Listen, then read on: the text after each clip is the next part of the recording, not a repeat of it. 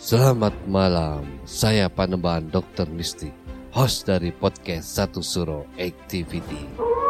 Sekarang Satu Suro Activity bekerja sama dengan Anchor. Aplikasi ini sangat membantu saya untuk membuat dan publish show saya ini. Perlu kalian ketahui, ternyata membuat podcast itu sangat gampang sekali dan 100% gratis. Anchor tidak hanya mempermudah untuk membuat podcast. Dalam hal distribusi pun aplikasi Anchor memiliki banyak jaringan, di antaranya Spotify, Apple Podcast, dan platform podcast lainnya. Tidak perlu berpikir lama, segera download aplikasi Anchor dan bikin podcast kamu sekarang juga gak pakai lama. Saat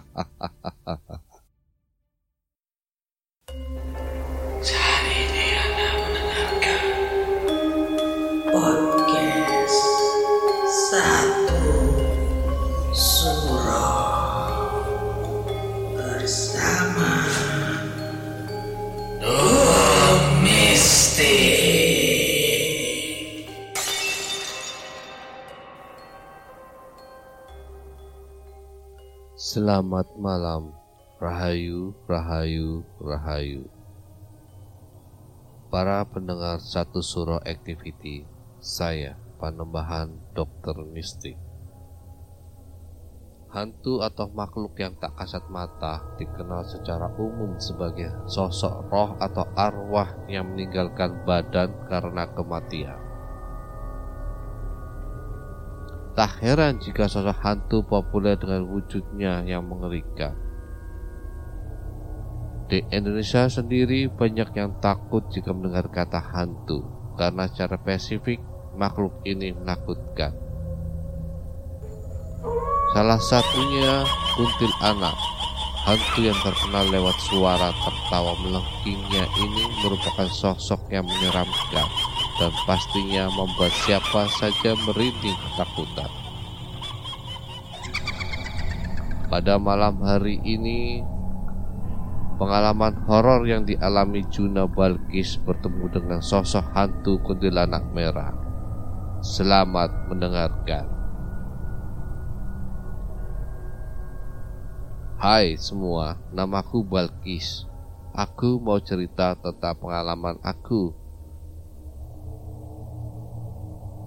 Dulu waktu aku masih kelas 5, ibu, ayah, dan adik aku itu pergi karena ada hal penting, sedangkan aku di rumah sendirian. Saat aku ada di kamar aku, aku jadi ingat cerita orang-orang kalau di rumah sendirian lihat foto hantu bakal didatangi. Awalnya aku gak percaya, jadi aku coba aja deh. Tapi udah berjam-jam lihat foto-foto hantu, tidak terjadi apa-apa. Jadi aku biarin aja. Padahal tadi awan cerah tiba-tiba menjadi mendung. Aku kira mau hujan, ternyata enggak.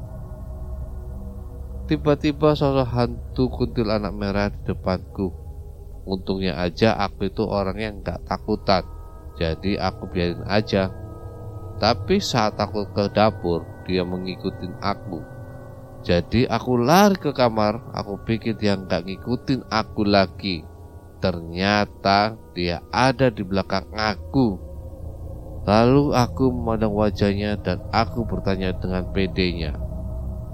Eh, kamu ngapain ngikutin aku sih? Kamu mau apa? Oh, jangan-jangan kamu nggak punya teman, jadi kamu ngikutin aku ya, biar diajak main sama aku. Tapi kalau mau main sama aku, oke aja aku, kataku.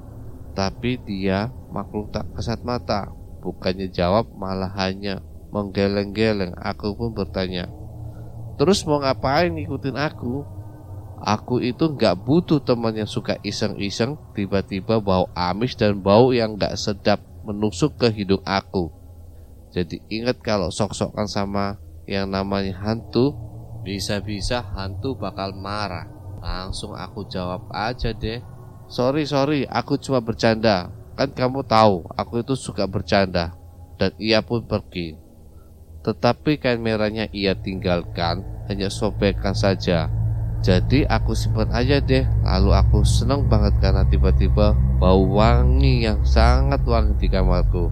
Nah itu dia cerita dari aku. Mohon maaf jika ada kesalahan.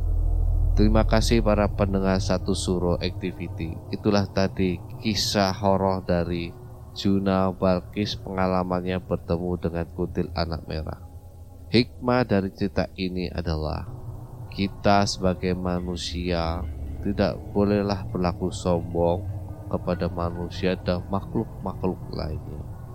Ingat, sahabat satu suruh activity. Iling lan las podo. Selamat malam. Assalamualaikum warahmatullahi wabarakatuh. Salam, salam, salam. Rahayu, rahayu, rahayu. Sa